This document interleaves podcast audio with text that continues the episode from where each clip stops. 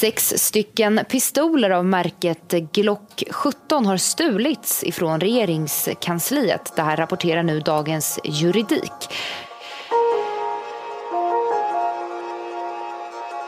I slutet av 2019 avslöjas att flera pistoler och hundratals patroner har stulits från ett vapenskåp inne på regeringskansliet. Någon har lyckats komma åt dödliga vapen och fört ut dem från en byggnad som ses som en av Sveriges säkraste. De mystiska stölderna tros vara ett insiderjobb. Drygt ett år senare saknas merparten av pistolerna. Och de som har dykt upp har hittats i kriminella kretsar. I det här avsnittet följer vi spåren efter regeringspistolerna. Som leder oss till en 16-åring åtalad för att ha skjutit ner en person vid en busshållplats. Och till en annan rättegång som nästan försvunnit i mängden. Du lyssnar på en podd från Aftonbladet. Jag heter Anders Johansson.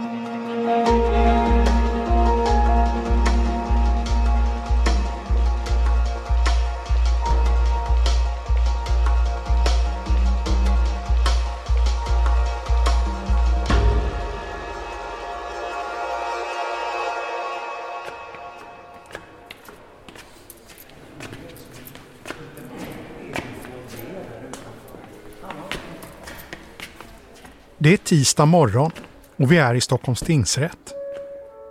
I högtalarna plingar det till titt som tätt när förhandlingar i olika mål ska dras igång.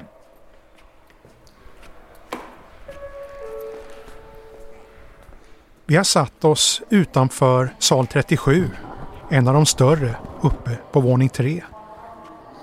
Det är några minuter kvar innan dagens huvudförhandling ska dra igång. Inget annat mediehus är på plats men några kompisar till den tilltalade släntrar in när det är några minuter kvar.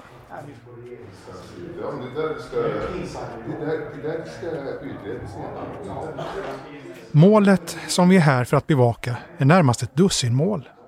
Ett av 14 andra brottmål som ska avhandlas här under dagen. Den typen av mål som sällan ens leder till en notis i tidningen. Rubriceringen är grovt vapenbrott. Men det finns en förklaring till varför vi är här. Vi ska återkomma till det alldeles strax.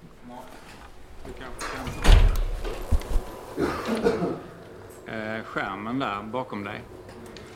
När klockan är kvart över nio är det dags för förhandlingen att starta. Men den misstänkte mannen, han som vi i det här avsnittet kallar för Leo, är inte på plats.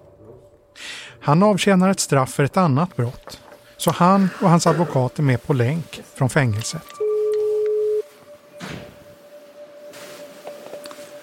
Hejsan. Hör du mig? Hejsan, hej. Är, är det advokat Daniel Marcus? Ja, det stämmer. Okej. När videolänken är igång syns bara advokaten. Leo har inte kommit på plats än. Vi får vänta. Okej, då avvaktar vi några minuter tills vi ser att han dyker upp i rutan. Ja, precis. Ja. Nej, det kan jag inte. Efter tio minuter börjar domaren bli otålig. Du har ingen där utanför som kan gå, som du kan stöta på och fråga vad som händer? Det kan jag göra. Kan plinga på er. Men snart därefter kommer kriminalvårdarna med Leo och huvudförhandlingen kan börja. Leo är klädd i anstaltens gråa kläder, en sweatshirt och långa mjuka byxor ovanpå det blåa shorts. Han har vita gympaskor och gungar nervöst med båda fötterna mot golvet sedan han satt sig i stolen mitt emot den kostymklädda advokaten. Varsågod åklagaren, utveckla åtalet. Tack. Då inleddes det här ärendet när polisen gjorde ett tillslag mot ett eh, hotellrum som eh, var betalt. Det här målet börjar egentligen med ett helt annat ärende som handlar om misstänkt bedrägeri. En man med kända kopplingar till ett gäng åkte fast för kortbedrägeri. När polisen i den utredningen gick igenom mannens mobil fanns bilder på en pistol. En Glock 17. Och pistolens tillverkningsnummer syns tydligt.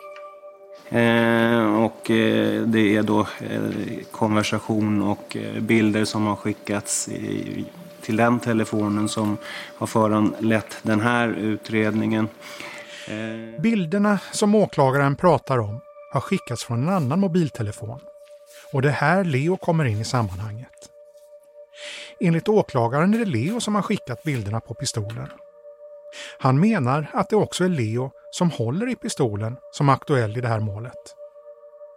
I rätten visar åklagaren Lukas Eriksson upp det hela på en stor skärm.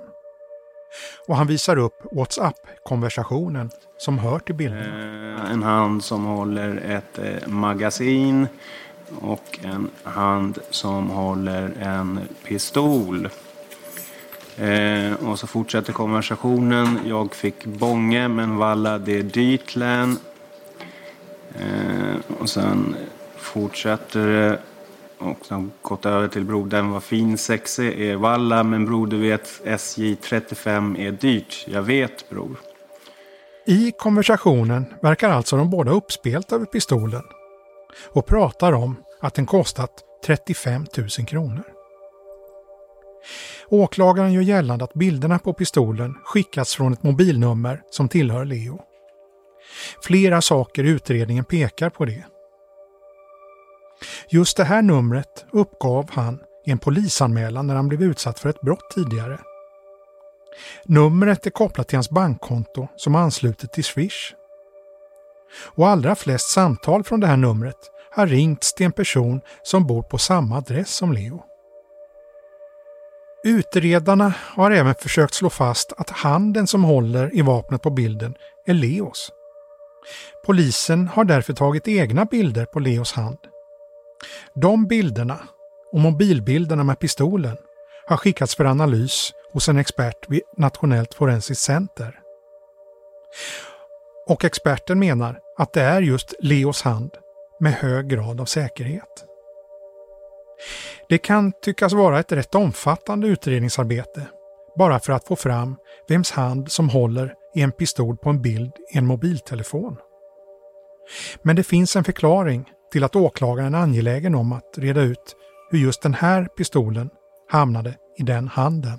Eh, och det som är intressant med just det här eh, vapnet är att eh, det finns på sidan PM, på sida 12.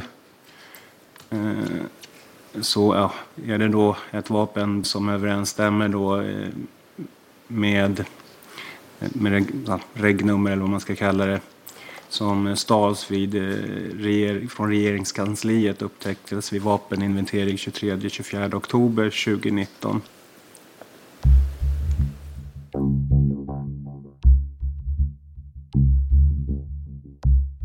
Pistolen i det här målet tycks alltså vara ett av de vapen som försvunnit från regeringskansliet.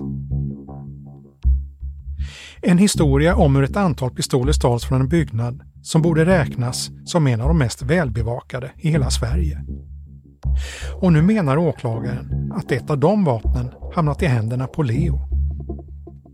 Han har enligt det åtalet innehaft en pistol utan att ha rätt till det och därmed har han gjort sig skyldig till grovt vapenbrott. Vi ska återvända till det här målet lite senare i avsnittet. Men förhandlingen om grovt vapenbrott är bara en av flera pusselbitar i den större berättelsen om de stulna regeringspistolerna.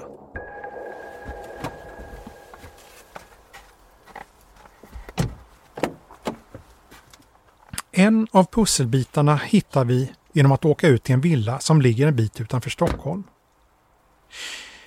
Vi har åkt hit för att träffa Erik Tagesson. Han är chefredaktör på tidningen Dagens Juridik. Tagesson! Tja! Tjenare! Halloj! Det är här Dagens Juridik håller till. Exakt. På grund av coronapandemin har han haft kontoret hemma sedan snart ett år. Anledningen till att vi är här har att göra med ett avslöjande som Erik Tagesson publicerade för lite mer än ett år sedan. En artikel som på sätt och vis blev startskottet för hela den här historien. Ja, men den här historien började med att jag fick ett eh, tips av en källa eh, som ställde frågan helt enkelt. Eh, hur kommer det sig att ni inte har skrivit någonting om de stulna vapnen på regeringskansliet? Vid det här laget är det alltså okänt för allmänheten att det försvunnit vapen från regeringskansliet.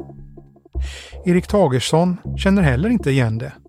Men källans uppgifter gör att han börjar nysta ärendet för att se om det verkligen kan stämma. Jag började ringa runt och möttes överallt av tystnad och inga kommentarer. Och det fick mig då känna att det, det finns nog någonting här. Efter några samtal inser Tagesson att ärendet borde ligga hos avdelningen för grova brott på Stockholmspolisen. Han bestämmer sig för att ta en rövare. Så jag ringde upp och eh, via växeln bad att få tala med en handläggare på grova brott bara. Och sa att eh, hej, jag heter Erik Tagesson, ringer från tidningen Dagens Juridik. Och eh, jag tänkte höra vem som har hand om vapenstölden på regeringskansliet. En chansning som går hem. Den person Tagesson pratar med har ingenting med ärendet att göra. Men svarar ja, men det där jobbar min kollega med och passar frågan vidare till den utredare som jobbar med fallet.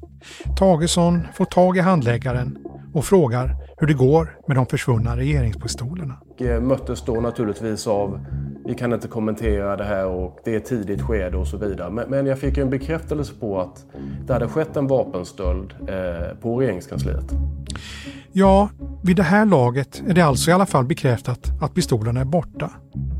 Kort därefter blir det hela en riksnyhet.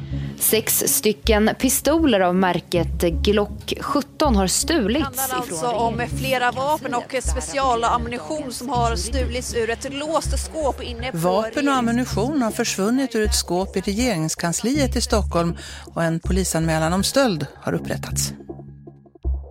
Till en början är det knapphändigt med detaljer. Polisen lägger locket på. Regeringskansliet hänvisar vidare till Securitas som sköter säkerheten. Men de vill inte heller kommentera stölderna. Enligt de första uppgifterna ska det handla om sex vapen.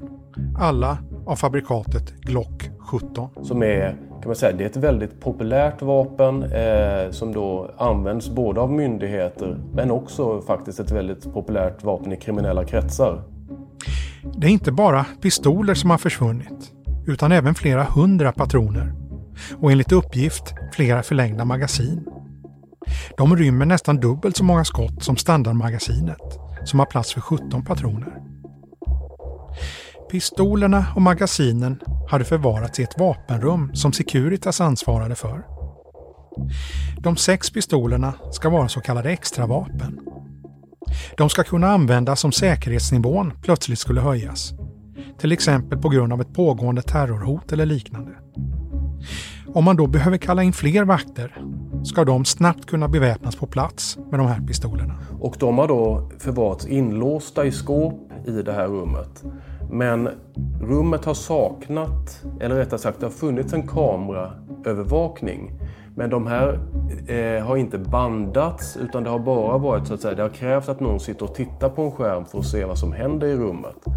Så att i efterhand har man då inte kunnat se vem som har varit inne och tagit de här aktuella vapnen. Dagens Juridik publicerar sin första artikel om regeringspistolerna i mitten av november. Under veckorna som följer händer en hel del saker. Aftonbladet kan avslöja att det genomförts ytterligare en stöld på regeringskansliet under året. Också då försvann en Glockpistol. Kort därefter skriver DN att ett vapen tydligen försvunnit flera månader tidigare men att utredningen lagts ner för att man trott att pistolen bara kommit bort. Ja, eh, så vitt känt så är det tre tillfällen. Ett som då skedde i februari-mars, eh, ett som skedde augusti-september och så det sista då som, som var det första som vi skrev om som, som skedde i oktober där sex pistoler stals. Så vid de tidigare tillfällena var det ett till två vapen enligt polisen. Några dagar in i december grips en skyddsvakt anställd av Securitas, misstänkt för vapenstölderna. Några dagar senare släpps mannen, men misstankarna kvarstår. Enligt Erik Tagesson tyder allt på att det ska vara ett insiderjobb. Regeringskansliet är ju hårt bevakat generellt och, och eh, de gånger jag själv har varit där så är det ju larmbågar och legitimering. Och eh, allting tyder ju på att det är någon eh, som, som dels har kunskap om rutinerna och också tillgång då till det här rummet. Eh, alltså en person anställd av Securitas. Det är ju så att det finns eh, en person som är formellt misstänkt för åtminstone en av de här stölderna och det är ju en Securitas-vakt. Nu har han varit misstänkt för det här men inte frihetsberövad i över ett år och har ännu inte åtalats. Så att eh, hur starka de här misstankarna är är svårt att svara på.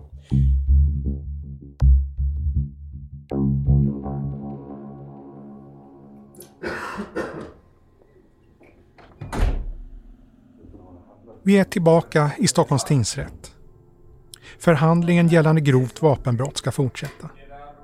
Lukas Eriksson som är åklagare är den som leder jakten efter regeringspistolerna och det här är det första målet som nått hela vägen till rättegång. Men den här dagen ska komma att bli en ganska motig dag för åklagaren. Den åtalade, som vi alltså kallar Leo, ska höras för att rätten vill se hur han ser på anklagelserna om grovt vapenbrott.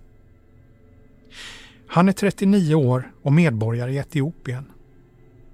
Det är inte första gången han sitter i rätten. Hans belastningsregister är omfattande. Han finns med under 38 avsnitt sedan år 2000. Han har dömts till fängelse 17 gånger, bland annat för rån, grov kvinnofridskränkning, grovt vapenbrott. Ett av de vanligaste brotten i hans register är ringa narkotikabrott. Han är sambo och har tidigare jobbat inom byggbranschen. Senaste tiden har han saknat sysselsättning. Han har därför fått aktivitetsersättning via Arbetsförmedlingen. I en personutredning beskriver han sig själv som en lugn person. Det kan dock förekomma, säger han, att han är impulsiv. Han säger också att han strävar efter att inte ha någon kontakt med personer som håller på med droger eller kriminalitet. Men enligt polisen har han kopplingar till ett etablerat kriminellt nätverk inom Stockholmsområdet. Men Leo nekar nu till att ha innehaft vapnet. Som vi nämnde tidigare handlar det hela om bilder på en pistol skickade från en mobil som åklagaren menar är Leos. Åklagaren ställer fråga efter fråga. Varför ser handen på bilderna ut att vara din hand? Försökte du sälja vapnet? Känner du personen som tar emot meddelandena? Svaret på samtliga frågor är ingen kommentar. Åklagaren verkar lite uppgiven när han upprepar Leos svar. Ingen kommentar. Okej. Okay. Eh... Ja, då har jag inga frågor om du inte har några kommentarer. Så. Tack. Även när advokaten Daniel Marcus ställer frågor till Leo möts han av samma svar. Ingen kommentar. De uteblivna svaren gör att förhöret snabbt är över. Nästa steg i förhandlingen är att ett vittne ska höras. Personen som ska frågas ut är han som har tagit emot bilderna på pistolen. Han ska även ha kopplingar till ett känt kriminellt nätverk enligt en kartläggning som polisen har gjort. Notarien ropar upp hans namn flera gånger i högtalarna för att kalla in honom i salen. Men utanför finns ingen som väntar. Och det verkar ju inte så... Ropa en gång till bara. Se. Eftersom vittnet inte är på plats, samtidigt som Leo vägrar svara på frågorna, tar tingsrätten paus ett tag i förhandlingen. Utanför rättssalen har några av Leos kompisar samlats. De har inte sett Leo sedan i somras och är nu här för att stödja sin vän. De har åsikter om själva målet och tycker att myndigheterna inte borde fokusera så mycket på deras vän utan istället försöka hitta den som faktiskt fört ut pistolerna från regeringskansliet. Men istället för att lägga vikt på att hitta den riktiga skurken så lägger de vikt på en jävla bild och vill döma en svart stackars kille från förorten. Jag, jag, jag tycker de borde kolla i deras regering vem som har snott den och vem som har öppnat och vem som har tagit de här vapnen istället för att sitta och, och koncentrera sig på en jävla bild. Liksom. Det, det, det, är liksom, det känns som att han är bara en syndabock. Man vill bara få honom dömd och sen ska det här glömmas. Hej då. Hur länge sedan var det? De tycker det är märkligt att inlåsta vapen kunde försvinna från första början. Har de ändrat deras... Regeringskansliet liksom. Det är inte någon jävla tobaksaffär eller typ någon jävla kiosk, pressbyrå eller något sånt. Det är regeringskansli. Skyddsobjekt. Som skyddas av skyddsvakter. Som själva bär på vapen. Hur fan hände det?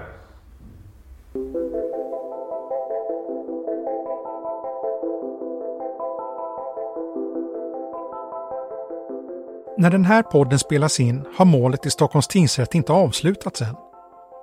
Vittnet dök aldrig upp och rätten fick skjuta fram huvudförhandlingen. Vi vet inte om Leo kommer dömas för bilderna på vapnet. Hittills i det här avsnittet har vi bara pratat om ett av de vapen som stals från regeringskansliet. Men det finns ett vapen till som är intressant. Ett vapen som har hittats hos en 15-åring och som nu är åtalad för att ha genomfört ett mordförsök. Det här är nyheterna på TV4 Play om skottlossning under morgonen mitt i villaidyllen i Viksjö. Järfälla kommun, alltså norr om Stockholm. En person ska enligt SOS Alarm ha påträffats utomhus med skottskador.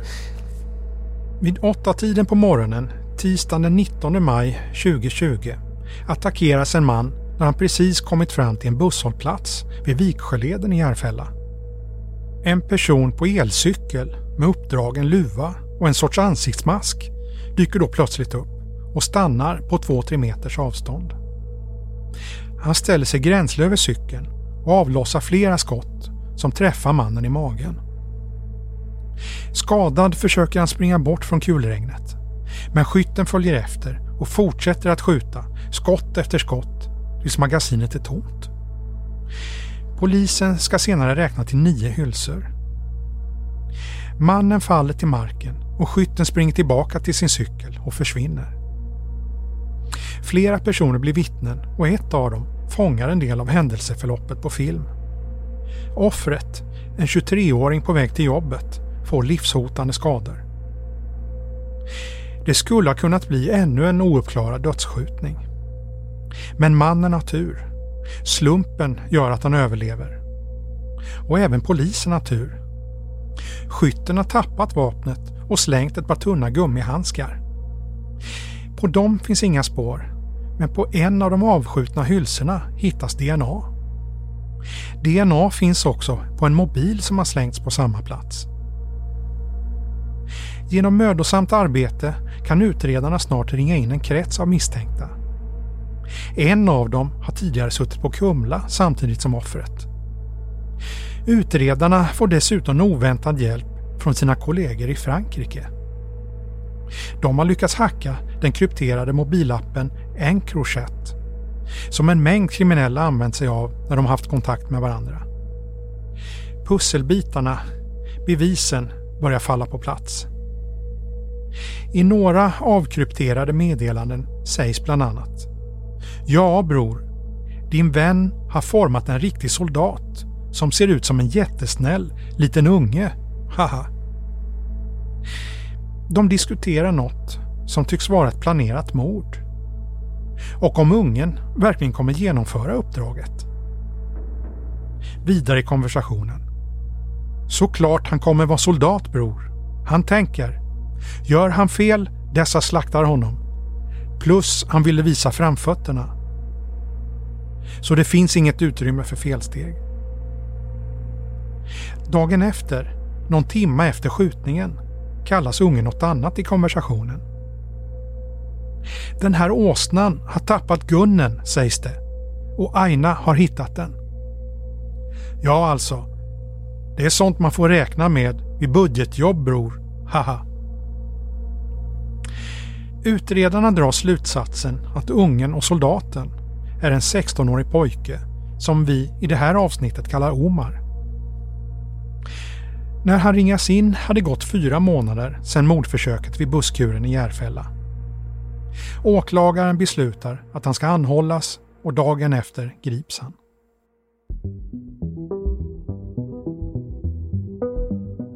Omar är känd av polis och sociala myndigheter sedan tidigare. Han har en stökig bakgrund. Han är född i Sverige av föräldrar som invandrare från Somalia på 90-talet. Han växte upp i en Stockholmsförort med en stor syskonskara. När han var tio år flyttade han och familjen till Somalia igen och Omar sattes i en religiös internatskola.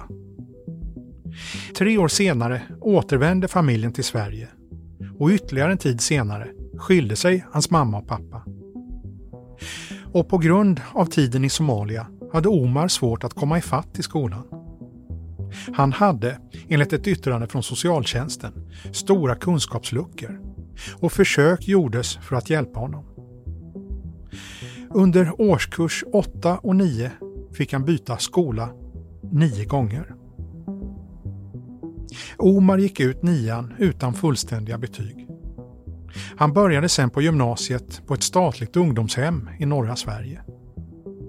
Men därifrån försvann han och placerades på andra ställen som han också försvann ifrån. Under 2019 och 2020, alltså när Omar är runt 15 år, bodde han på sammanlagt åtta olika ungdomshem. Och han rökte cannabis för att lindra oron när han var på rymmen, säger han i en utredning. Han började också umgås med lite äldre killar. I maj 2020 gjorde polisen en orosanmälan.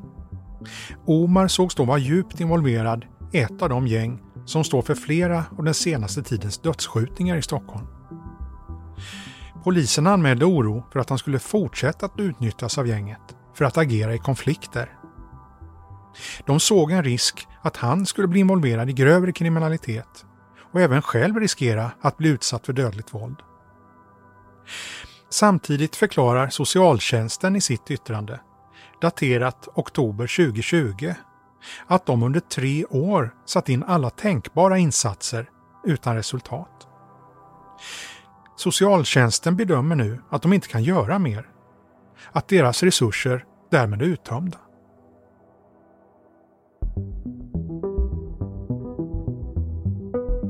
När polisen griper Omar för skjutningen vid busshållplatsen i Järfälla vet de redan då mycket om honom.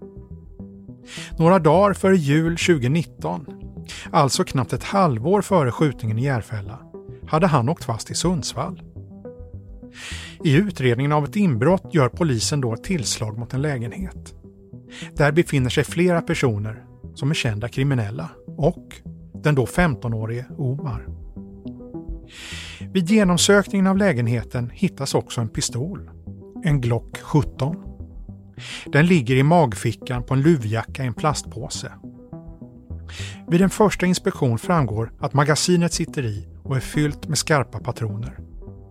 Polisen skriver i sitt PM.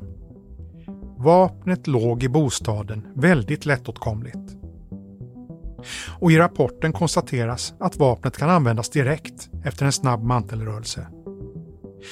Polisen gör då också en kontroll av de fyra som befinner sig i lägenheten och skriver sedan vidare i sitt PM. Vid slagning i register kan man konstatera att personerna besitter våldskapital. Tidigare domar som förekommit innefattar bland annat grovt vapenbrott, narkotikabrott samt våldsbrott. Personerna på platsen rör sig i kriminell miljö och vapnet bedöms osannolikt ha syfte att användas i annat sammanhang än brottslig handling. När polisen förhör Omar och vill veta vem han är uppger han sin 13-årige lillebrors namn och personnummer. Han säger till poliserna att han vill bli läkare när han blir stor, diabetesläkare. Men eftersom det finns både ett laddat vapen och dömda personer i lägenheten är det ingen bra miljö för en 13-åring. Polisen överlämnar därför Omar till socialtjänsten. Han blir omhändertagen och förd till ett boende i Sundsvall. Därifrån rymmer han på natten. Men blir inte borta så länge.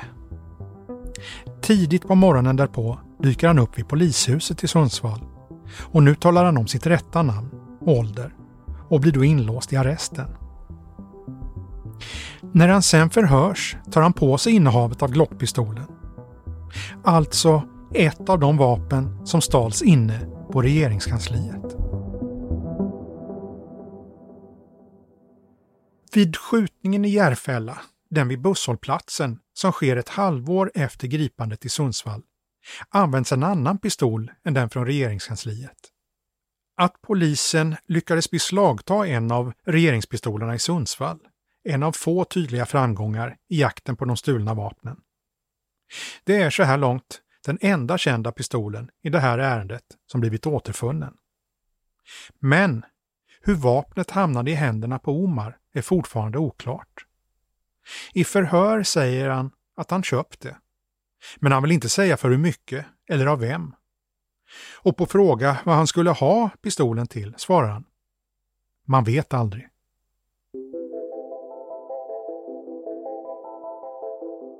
Omar blir åtalad för försök till mord.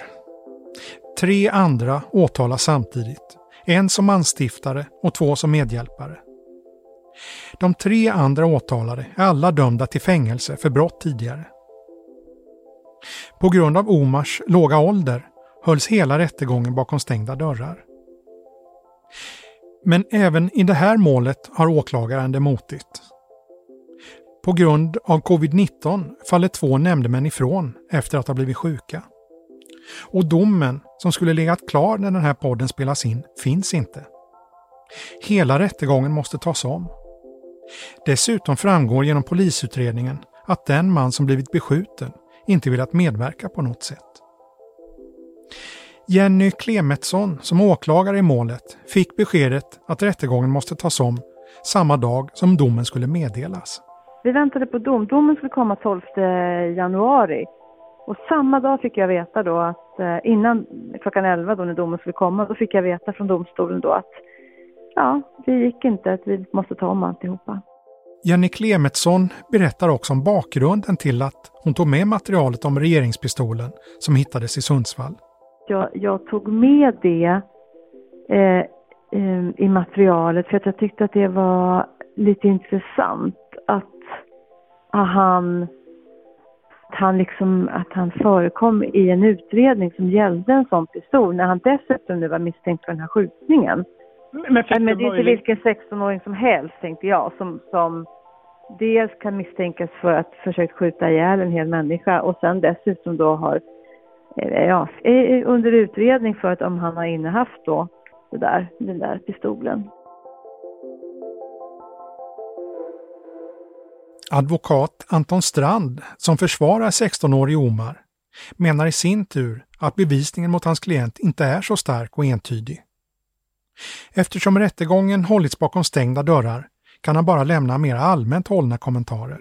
Det finns väl liksom vissa, om man tittar på den bevisning som åklagaren har, har åberopat gentemot min klient så finns det väl vissa delar som talar i, i linje med åklagarens eh, talan. Men det finns också omständigheter som pekar i andra riktningar. Det är inte självklart att det blir en fällande dom? Det är långt ifrån självklart skulle jag säga. Omar är efter drygt ett år ännu inte åtalad för innehavet av regeringspistolen som hittades i Sundsvall i december 2019. Men förundersökningen som gjordes där har alltså tagits med i utredningen om skjutningen i Järfälla. Advokat Anton Strand menar att även här finns frågetecken. Han utesluter inte att hans klient, som då var 15 år, tog på sig innehavet för att han var den yngste i lägenheten och därmed riskerade kortast straff. Eh, det, det underlaget menar jag inte är tillräckligt för att visa att min klient är den som har innehaft det här. Det här vapnet som stals på ja. regeringskansliet? Ja, precis.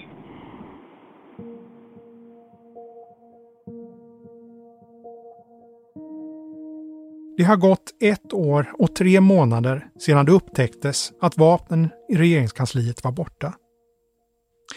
Frågan är hur mycket närmare vi har kommit ett svar på vad som egentligen hände.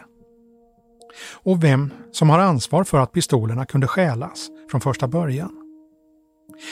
Ansvarsfrågan har behandlats på högsta politiska nivå. Oppositionen har krävt Stefan Löfven på svar hur stölderna kunnat ske. Inrikesminister Mikael Damberg svarade i hans ställe under en debatt i riksdagen.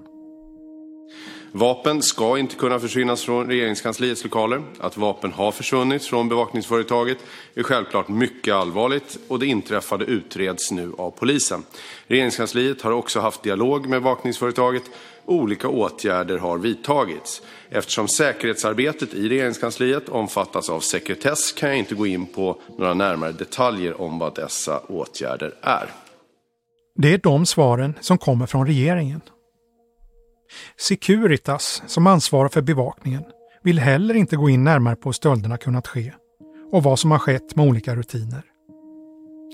Jens Granat, marknadskommunikationschef, är den som sköter presskontakter. Och han svarar i ett mejl på våra frågor. Händelserna du hänvisar till rör ett skyddsobjekt och omgärdas av sån sekretess att vi inte kan kommentera dem överhuvudtaget. Rent generellt är det dock naturligtvis så att vi alltid arbetar med att förbättra oss och att korrigera eventuella svagheter i vår verksamhet. Det ligger i säkerhetsarbetets natur att det många gånger är svårt att diskutera det utan att underminera det. Någon ytterligare kommentar kommer vi inte att ge. Slut citat.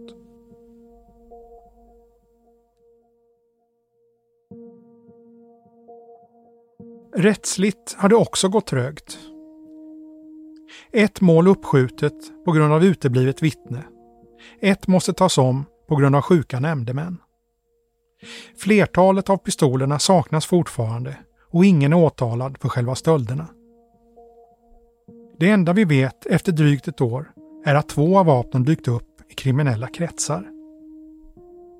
Erik Tagesson, chefredaktören på Dagens Juridik som vi träffade tidigare i avsnittet, menar att det här är det allvarligaste i hela den här historien. Vad man kan säga så här ett drygt år efteråt är att Två av de här vapnen vet man finns i kriminella kretsar. Och det är naturligtvis en helt rimlig slutsats att säga att alla gör det. För de är stulna av en person som är kriminell. Det är ju det här som polisen har varnat för. Ja, men det måste man säga. Och det är också det är ju väldigt allvarligt. Nu eh, som sagt, den här 15-åringen använder ett annat vapen. Men, men eh, man kan ju tänka sig jag höll på att använda uttrycket skandalen. Men vad skulle det innebära om det här en av de här Glockpistolerna från regeringskansliet faktiskt används vid dödligt våld, ett, ett mord. Eh, det kan vara ett gängrelaterat mord eller jag höll på att säga ännu värre. Om, en oskyldig människa, eh, vilket vi har haft flera skjutningar där oskyldiga har drabbats, skadas av ett av vapnen från regeringskansliet. Det vore en skandal utan dess like hur klandervärd ska man tycka att regeringen har varit i hela det här ärendet? Det är också svårt att svara på. Det är ju så att eh, regeringen handlar ju upp säkerhetstjänster då, alltså, eh, och Securitas har vunnit den här upphandlingen och fått i uppdrag att sköta det här. Och, men, men det är klart att det finns eh, anställda i regeringskansliet som är så att säga statstjänstemän som har som uppgift att se över säkerheten och hålla koll på den. Eh, men någonstans så är det ju i första hand skulle jag säga Securitas som har brustit sina, sina eh, rutiner. Eh, och vilken insyn eller inflytande då regeringskansliets egen säkerhetschef har över deras rutiner. Det är svårt att svara på men det är klart att det här ser väldigt, väldigt illa ut eh, för regeringen. Vad kommer eh, hända nu här framöver? Kommer det här att lösas tror du? Ja, det är naturligtvis jättesvårt att svara på. Jag har regelbunden kontakt eh, med åklagaren i målet, Lukas Eriksson. Eh, men vad gäller utredningen och det som är känt kring utredningen så har det inte hänt någonting på ett år. Eh, med jämna mellanrum, ungefär varannan månad, så skickar Stockholms tingsrätt ett brev till åklagaren där de säger nu har den här utredningen pågått väldigt länge, vad händer egentligen? Eh, Lukas Eriksson svarar gång på gång eh, utredningen pågår fortfarande, eller förundersökningen pågår fortfarande. Oklart när den kan slutföras. Hur ska man tolka det? Ja, som att eh, han hoppas att någonting ska hända kanske. Eh, att eh, de här vapnen som dyker upp då och då, att de kanske ska leda honom vidare. Det är också så att den person som faktiskt är misstänkt för, för en av stölderna och som nu eh, har varit det i ett drygt år. Han har enligt hans advokat inte förhörts på över ett år av polisen. Är det Securitas-vakten? Det är den här Securitas-vakten som, som misstänks för det. Och han har ju blivit av med sitt jobb på Securitas.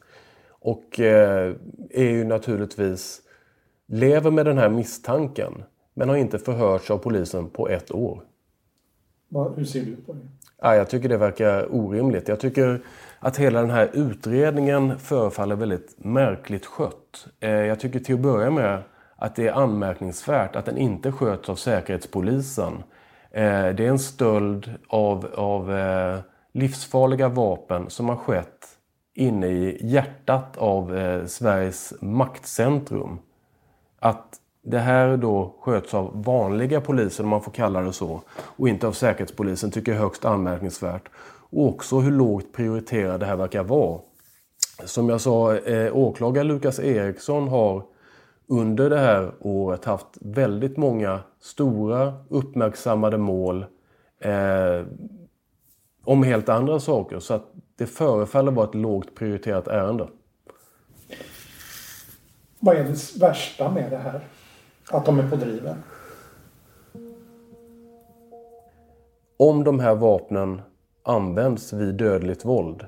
Någon blir skjuten med ett vapen som har stulits inne på regeringskansliet så är det förödande. Och eh, det vore fruktansvärt om de bristande säkerhetsrutinerna på ett av Sveriges viktigaste skyddsobjekt leder till att människor mister livet.